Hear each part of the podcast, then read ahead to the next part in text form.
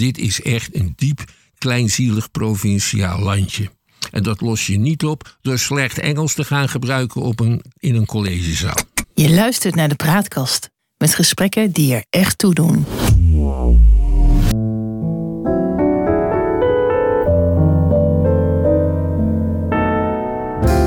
Welkom bij de Praatkast.nl. Dit is een aflevering van het Geheugenpaleis. Mijn naam is John Knierim, vanuit een warm en zonnig Zuid-Frankrijk. En samen met Han van der Horst, die gewoon in Schiedam zit, maken we deze podcast. De geschiedenis die haalt zich nooit, maar rijmen dat doet hij vaak wel. En dat gegeven gebruiken we in het Geheugenpaleis om dieper in te gaan op de actualiteit. En om zo te ontkomen aan de waan van de dag en om tot de kern van het nieuws te komen. De internationalisering van het onderwijs die staat ter discussie. En ook de voertaal eh, leidt tot uh, controversies. Han, uh, wat is hier aan de hand? Sinds een jaar of 20, 25 zijn steeds meer universiteiten en hogescholen ertoe overgegaan om uh, steeds meer studierichtingen in het, uh, in het Engels aan te bieden. Ja. Waarom doen ze dat? Dat doen ze omdat je in Nederland als hogeschool of universiteit per student betaald wordt door de overheid. Dus hoe meer studenten je binnenhaalt, hoe meer geld je krijgt. Nou, dat kost dan de Nederlandse um, staat een hoop geld als al die buitenlandse studenten komen. Uh, nou, dat is maar in beperkte mate het uh, geval. Oh. Studenten van buiten de Europese Unie, ja. die uh, moeten het volle pond betalen, omdat hun studie niet gesubsidieerd wordt door de Nederlandse staat. Ja. komen ze vanuit een EU-lidstaat, dan ligt het anders. Mm. Want de EU-lidstaten hebben onderling afgesproken dat ze elkaars studenten op gelijke voet behandelen. Dus een student uit, laten we zeggen, Italië of Polen, die moet net zoveel collegegeld betalen als een Nederlandse student. En andersom. En daar, dat kost de Nederlandse staat wel geld, maar de gedachte daarachter is: er gaan toch ook een hoop Nederlandse studenten naar een ander EU-land. En dat blijken er veel minder te zijn dan er binnenkomen. Oh, en hoe komt dat dan? Uh, ja, huismussen zijn het blijkbaar. Ja. Bovendien, er zijn maar 18 miljoen Nederlanders ja, waar, en ja. uh, ongeveer een half miljoen studenten. Er gaan er ongeveer 20.000 echt totaal in het buitenland studeren op het moment. Maar ja, vanuit een soort Europese gedachte en uitwisseling van culturen. En, en uh, nou ja, dan kan je je nog wel voorstellen dat, dat er nog wel wat voor te zeggen is. Dat we gewoon leentje-buur gaan spelen bij elkaar. Ja, maar daar zijn de laatste tijd steeds meer bezwaren tegen gerezen. Ja. En dat heeft uh, met praktische zaken te maken, zoals een enorm gebrek aan uh, woonruimte ja. voor die studenten. Ja. En ook een beetje de huidige grenzendichtmentaliteit die bij een gedeelte van de bevolking uh, leeft. Dus uh, er is in de Tweede Kamer bezwaar uh, aangetekend. Het komt ook wel voor dat sommige studierichtingen die heel populair zijn, dat die een numerus fixus hebben. Dat wil zeggen, er is een maximaal aantal studenten die ze um, ja. toelaat. En zouden dan studenten met een Nederlands paspoort niet voorrang moeten krijgen? Ja. Dat zijn allemaal dingen die in de discussie staan. En toen heeft uh, minister Dijkgraaf daar iets op verzonnen. Oh. En dat staat nu ter discussie. En wat heeft hij verzonnen dan? Hij heeft verzonnen dat universiteiten en hogescholen in hun bachelorsopleidingen, dus dat zijn zeg maar de opleidingen voor beginners, die duren drie tot vier ja. jaar, dat ze maar een derde daarvan, van de aangeboden cursussen, in het Engels moeten aanbieden, of mogen aanbieden voortaan. Ja, ja en de rest in het Nederlands. Ja. En, en zo komt die discussie... En ook dat buitenlandse studenten Nederlands moeten leren. Ja, en zo komt dus die, die discussie over en veel studenten en alleen maar Engels wat gesproken wordt op de opleidingen... die komt in, in dit voorstel eigenlijk samen. Want hij probeert dan twee dingen tegelijkertijd wat te doen. Ja. En hoe wordt daar dan op gereageerd? Het, uh, er zal een groot gedeelte van Nederland op de banken staan... Ja vanuit de, vanuit instellingen nogal pissig in het algemeen. wordt gezegd van dit is provinciaal. Uh, wij raken de beste studenten en de beste docenten uh, kwijt. Uh, er zijn nogal spraakzame docenten, zoals bijvoorbeeld een dokter Schindler aan de Universiteit van, van Tilburg, die stevig tekeer gaan die man die doseert hier al jaren spreekt kennelijk geen Nederlands. Dus ja, eh, dat leidt allemaal tot een eh, minder prettige discussie. Ja, maar van een asielzieke die hier komt, verwachten we ook dat hij Nederlands gaat spreken? Nou ja, dat is natuurlijk ook zo. Ja. En eh, waarom zou je dat niet verwachten van een, van een hoogleraar? Nou heb je in, in de wereld een hiërarchie van talen. Hè? Je hebt oké talen en niet oké talen. Iemand die vloeiend Arabisch spreekt naast Nederlands... maakt zich eerder verdacht dan iemand die Spaans of zo. alleen maar eh, steenkolen Engels weet uit te brengen. Ja, ja. ja, de taal hangt natuurlijk samen met de cultuur. En die Arabische cultuur die vinden we in Nederland Ja. natuurlijk niet zo leuk. Ja. Maar goed, Nou, daar komt het in feite wel op neer. Dus er zit ook een element van racisme in. ja, of in ieder geval het afwijzen van andere cultuur. Ik weet niet of het nou per se racistisch eh, eh, is. Ja, maar ehm, ja, het, het komt op mij een beetje over als, eh, ja, een, beetje als een navelstaarderig eh, gebeuren aan de ene kant. Maar aan de andere kant kan ik me ook wel weer voorstellen dat, eh, dat mensen zeggen: ja, moet dan nou alles in het Engels gegeven worden? Voor mensen die gewoon in Nederland opgeleid worden, die straks misschien gewoon in Nederland ook eh, eh, hun werk eh, gaan doen. In, in bijvoorbeeld als je het praat over de geestelijke gezondheidszorg, dan lijkt me dat je de Nederlandse taal of de, Ne- eh, geschoold bent in het Nederlands, eh, toch nog wel wat voordelen hebben dan als het allemaal in het Engels gaat. Ja, en daar heb je volstrekt gelijk in. Er is nog een heel ander aspect. Hè? Nederlandse universiteiten en hogescholen die werven internationaal studenten voor beginnersopleidingen in Nederland. Ja.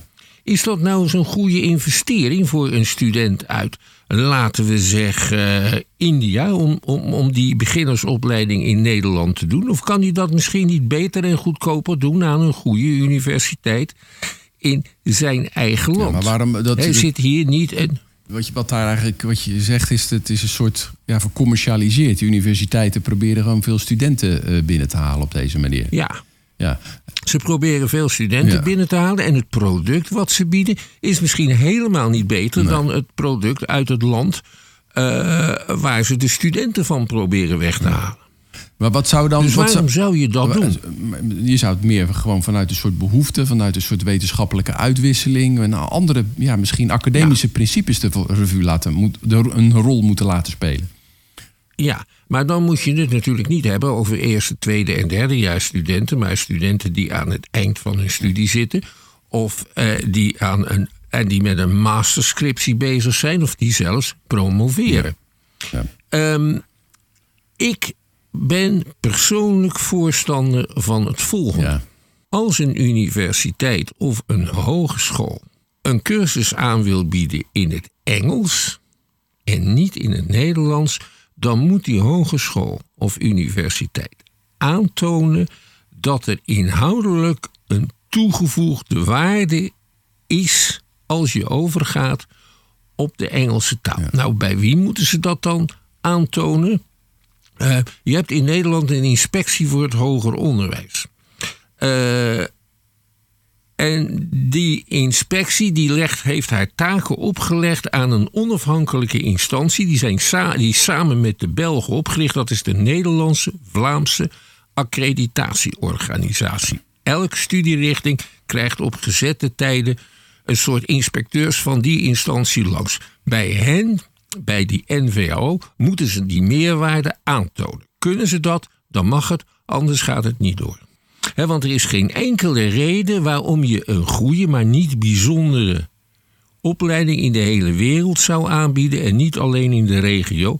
Zeker als het om instellingen gaan die eh, niet commercieel zijn, maar door de belastingbetaler grotendeels worden gefinancierd. Dat is mijn opvatting.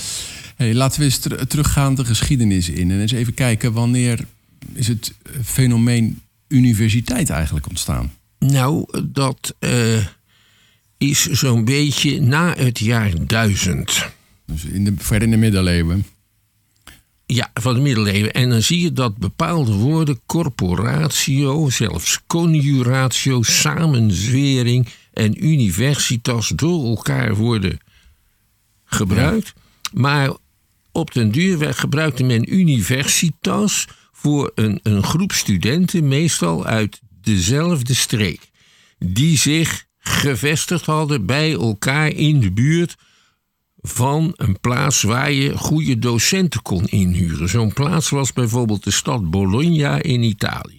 Zo zijn de universiteiten ontstaan. In het oorspronkelijke model moesten die docenten zelfs trouw zweren aan de studenten die een contract met ze afsloten. Hey, en, en, voor die tijd, want we deden toen toch al een wetenschap, Archimedes, Aristoteles, al die, uh, al, al die, die, die uh, wetenschappers uit de, uit de oudheid. Uh, nou, als we het over de oudheid ja. hebben, dan zie je dat Plato, Aristoteles, Epicurus.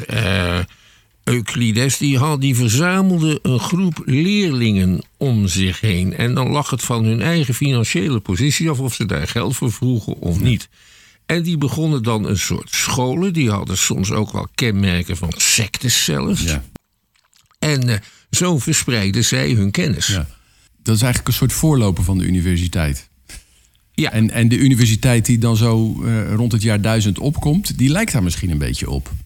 Die lijkt er heel erg op, maar dan zien we vanaf de 13e eeuw dat koningen universiteiten beginnen te stichten. En dan is het meteen afgelopen met de macht van de studenten. En dan worden daar eh, geestelijke als hoogleraar aangesteld. Die moeten zorgen dat er geen ketterijen worden eh, bedreven. En er komt allemaal meer controle op. Ja, omdat, omdat de universiteiten eigenlijk van oudsher ook een plek zijn waar intellectuelen samenkomen die de gevestigde orde ter discussie stellen. En dat wilden die koningen natuurlijk niet. Ja, precies. Nee, dat is uh, heel vervelend als je zo iemand hebt.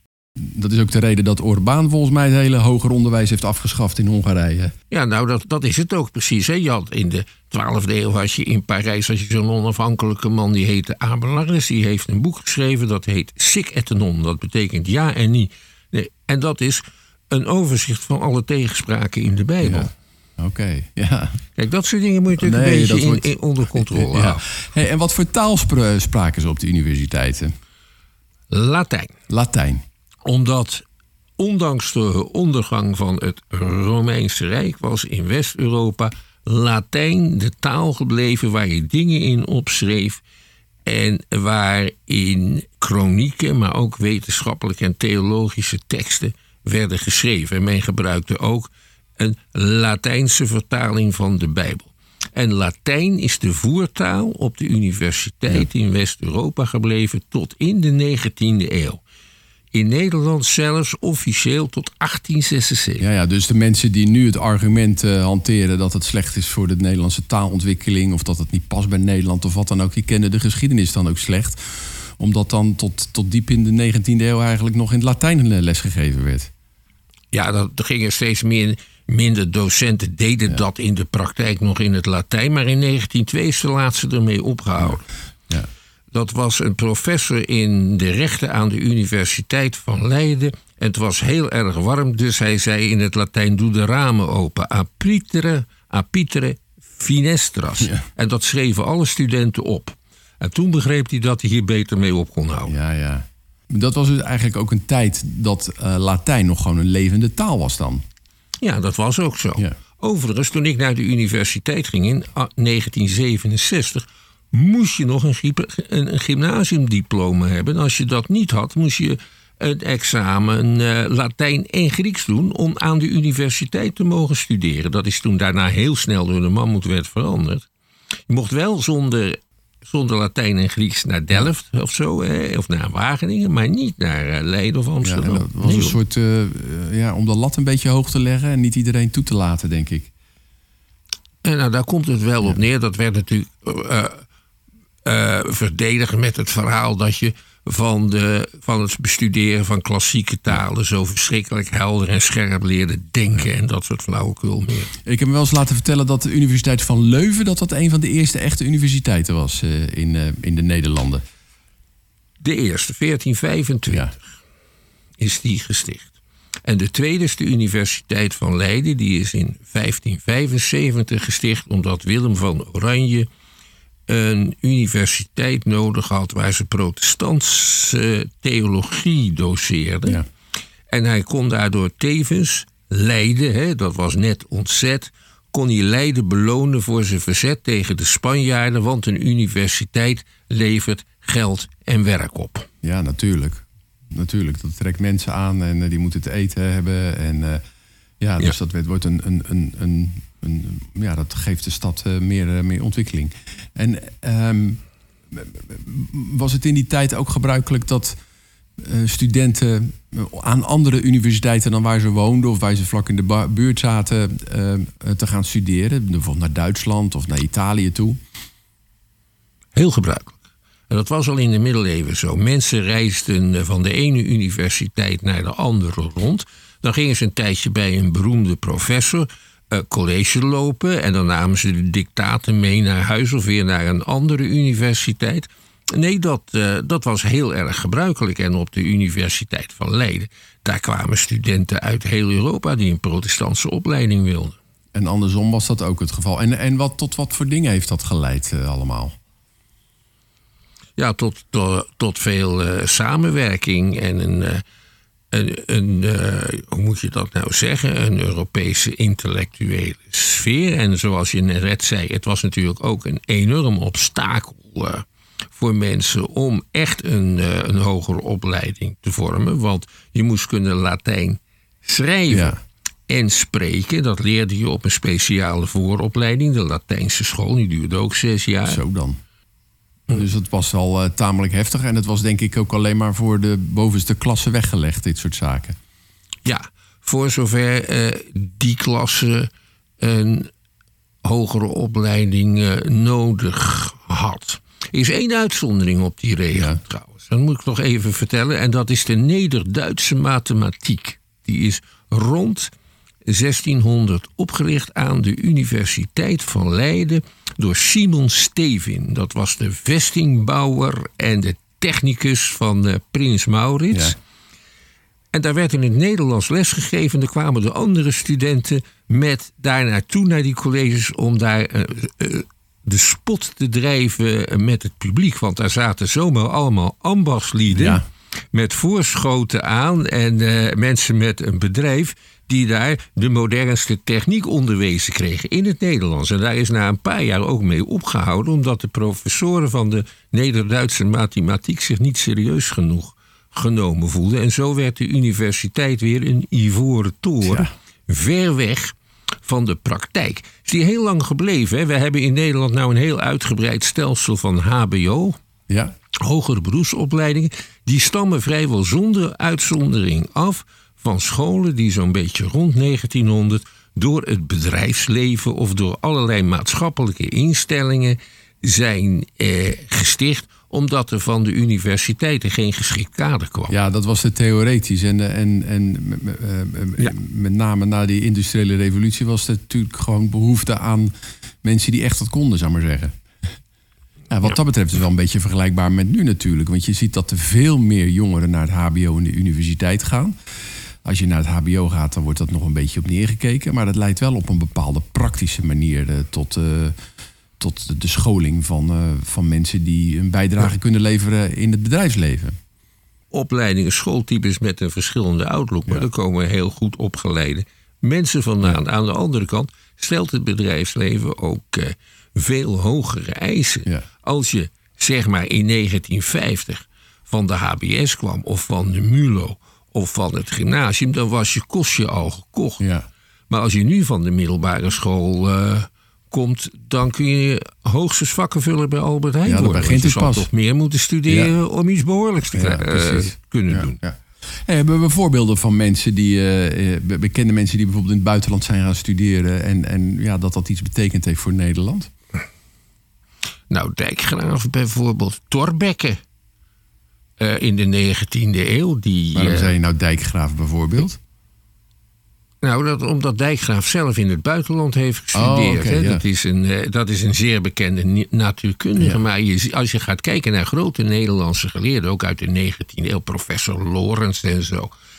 die hebben allemaal in het buitenland gestudeerd. Ja. Die hebben daar jaren verbleven. Die hebben daar zijn daar gepromoveerd. Als je echt een beroemde dokter en arts wilde worden in Nederland, was het bijvoorbeeld verstandig om naar uh, Wenen te gaan. Ja. En daar kwam bijvoorbeeld uh, professor do, dokter van Rentergem, die kwam daar Freud tegen.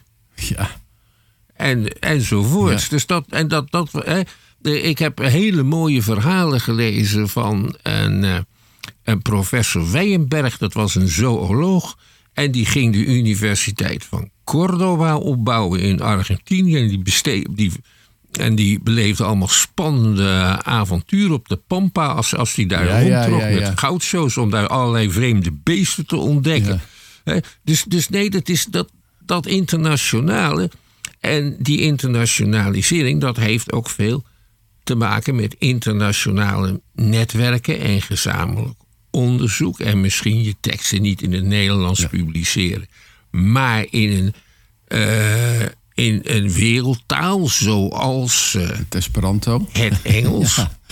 Maar eh, Ja, je noemde even, Maar je noemde even nou- Thorbecke nog. Had je daar ook nog een verhaal van? Ja, Thorbecke die, op Thorbecke die ging naar, naar Duitsland. En daar kwam die, ging hij ook logeren bij een professor waar hij een tijd bij studeerde. Die had een heel leuk dochtertje van tien. En vond Thorbecke, eh, ja, was daar wel van onder de indruk. en toen Oh, ze beetje 16 foute boel. was, heeft hij de, Ja, toen ze 16 was, oké. heeft hij haar ten huwelijk gevraagd. En toen ze 18 was, zijn ze Oh, getrouwd. En dat huwelijk heeft 30 jaar geduurd. Adelheid heette ze. Ja. Er was een verschrikkelijk gelukkig huwelijk. Een van de grootste romances uit de Nederlandse geschiedenis. Oké. Maar ze was ook zijn politiek assistent. Dat wil zeggen, ze deed allemaal dingen voor hem. En dat is wat tegenwoordig gedaan wordt door een politiek Ja, assistent. ja, ja. Zij was de eerste vrouwelijke politieke assistent uit de Nederlandse geschiedenis. In 1870 kwam ze ineens te overlijden. En toen hoefde het van Thorbecke ook niet meer. En met een jaar was hij dood. Oh, een bijzonder verhaal. Hey, eh, eh, nou ja, dan wordt er zeg maar zo'n vanaf begin van de 20e eeuw, eind van de 19e eeuw, wordt er eigenlijk alleen nog maar in het Nederlands lesgegeven. Maar we hebben toch ook weer een, een, een kentering daarin meegemaakt. Wanneer begonnen we weer een beetje in het Engels les te geven? En nou zo'n beetje rond 1950. En er waren twee redenen voor. Nederland vond dat ze dankbaar moest zijn voor de bevrijding. En gaan dus in het Engels lesgeven in die vakken waarin Nederland wereldwijd een grote positie heeft. Denk aan waterbouw, denk aan landbouw en denk aan, aan, aan luchtfoto-interpretatie en later satellietfoto-interpretatie. Die luchtfoto-interpretatie, internationale opleiding, die is opgericht door Willem Schermerhorn, de eerste premier van na de bevrijding. Want dat was zijn echte vak. Dus je had op een gegeven moment in Nederland had je een aantal internationale opleidingen in het Engels voor meestal mensen met een behoorlijke vooropleiding. En die leerden dan iets heel specialistisch waar Nederland echt goed in Ja, was. ja, ja, ja. Kon bijvoorbeeld ook stedenbouw zijn. ja. En eh, die moesten dan, voor zover ze uit de ontwikkelingslanden kwamen, ervoor tekenen, en hun baas moest er ook voor tekenen, dat ze weer terug zouden gaan naar hun oude werkgever. En als ze dat wilden beloven, dan kwamen ze in aanmerking voor een beurs. Dus dat is een heel andere benadering dan de benadering van Ja, dat tegenwoordig. was meer een beetje de zending en de missieachtige insteek eh, die gekozen werd. Ja, ja. Dat, is, dat is ook zo. En dan ook opleidingen geven die niet uitgaan van de Nederlandse problematiek, maar de problematiek in een ander gedeelte van de wereld, waar wij toevallig vanwege onze kennis een leuke inbreng zouden kunnen. ja, ja. Dat is nu absoluut niet meer het geval. Nee, je- Ik wil daar nog iets aan Ja. toevoegen. Internationalisering betekent niet dat je voor een zaal studenten in het Engels gaat staan te Nee, proppen. precies. Dan moet je Ja. ook heel duidelijk iets doen met de inhoud van je Ja, opleiding. nu eh, lijkt het erop dat veel universiteiten en hogescholen ervoor kiezen omdat ze dat commercieel eh, interessant vinden. Ja. Eh, maar waar je eigenlijk voor pleit is om ervoor te zorgen dat je een zodanig curriculum samenstelt dat ook een internationaal karakter heeft, wat het dan rechtvaardigt dat er in het Engels gesproken wordt. Precies. En die zijn er ook wel, dat soort opleidingen. Maar dat moet je versterken. Want anders dan zorg je er alleen maar voor dat ontevreden, ontevreden klanten hun leven lang afgeven op, de, op het Nederlands hoger onderwijs en het leven in Nederland. Dat heb je liever niet. Ze moeten tevreden zijn. Ze moeten die toegevoegde waarde zelf ook ervaren. Maar dan moet die er wel zijn. En dan moeten ze ook niet in tent hoeven slaan. Hoe gaat deze discussie verder, denk je? Eh, nou, ik denk dat eh, uiteindelijk eh, dijkgraaf zijn zin wel krijgt. En ik hoop dat het een oplossing wordt zoals ik die zo'n beetje heb geschetst. Nou, toon aan dat je een toegevoegde waarde hebt. En dan natuurlijk in het Engels. Maar dan moet die toegevoegde waarde er wel zijn. En die moet je kunnen kwantificeren en die moet je kunnen aantonen. Ja.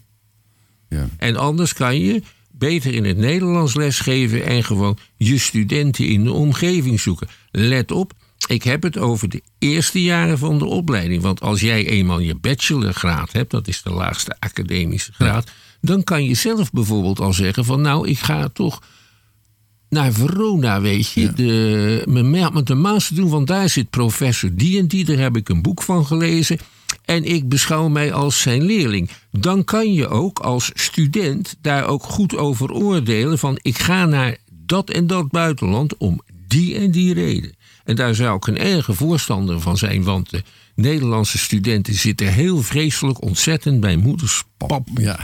Of ze, ze, hangen, ze hangen aan een of ander iemand waarvan ze denken dat ze er oud mee willen worden. En die vindt het dan niet goed of zo. Of die gaat niet mee. En dat soort lulligheden meer. Ja. Dit is echt een diep kleinzielig provinciaal landje. Aan het worden, En dat ja. los je niet op Nee. door slecht Engels te gaan gebruiken op een, in een collegezaal. Nee, nee, ik zou ook graag eh, willen aansluiten bij het pleidooi eh, naar de jongeren toe. Om ervoor te zorgen dat je tenminste een gedeelte van je opleiding ook in het buitenland eh, volgt.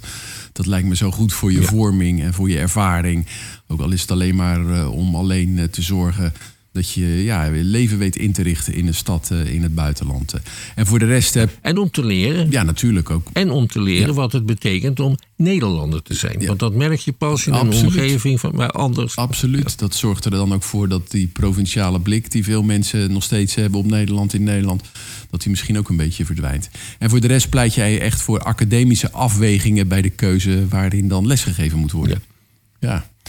Ja. Nou, we gaan het zien hoe deze discussie eh, de komende tijd eh, eh, loopt. Ik denk dat het wel goed afloopt. Ik ben eigenlijk best optimistisch over de toekomst van Nederland. dat is een mooi einde van deze podcast, Han. Tot zover dan deze aflevering van het Geheugenpaleis. We maken dit in samenwerking met de Praatkast. De uitzendingen zijn te vinden op www.praatkast.nl. Ehm, abonneren op onze podcast kan in de podcast-app die je vaak gebruikt. Dan krijg je automatisch een bericht wanneer een nieuwe aflevering online komt. En wil je ons mailen? Stuur dan een bericht naar info.praatkast.nl. Voor nu, bedankt voor het luisteren. Tot de volgende keer. Wees gelukkig, blijf gezond en wees in je leven net zo romantisch als Johan Rudolf, Thorbecke en zijn adelheid.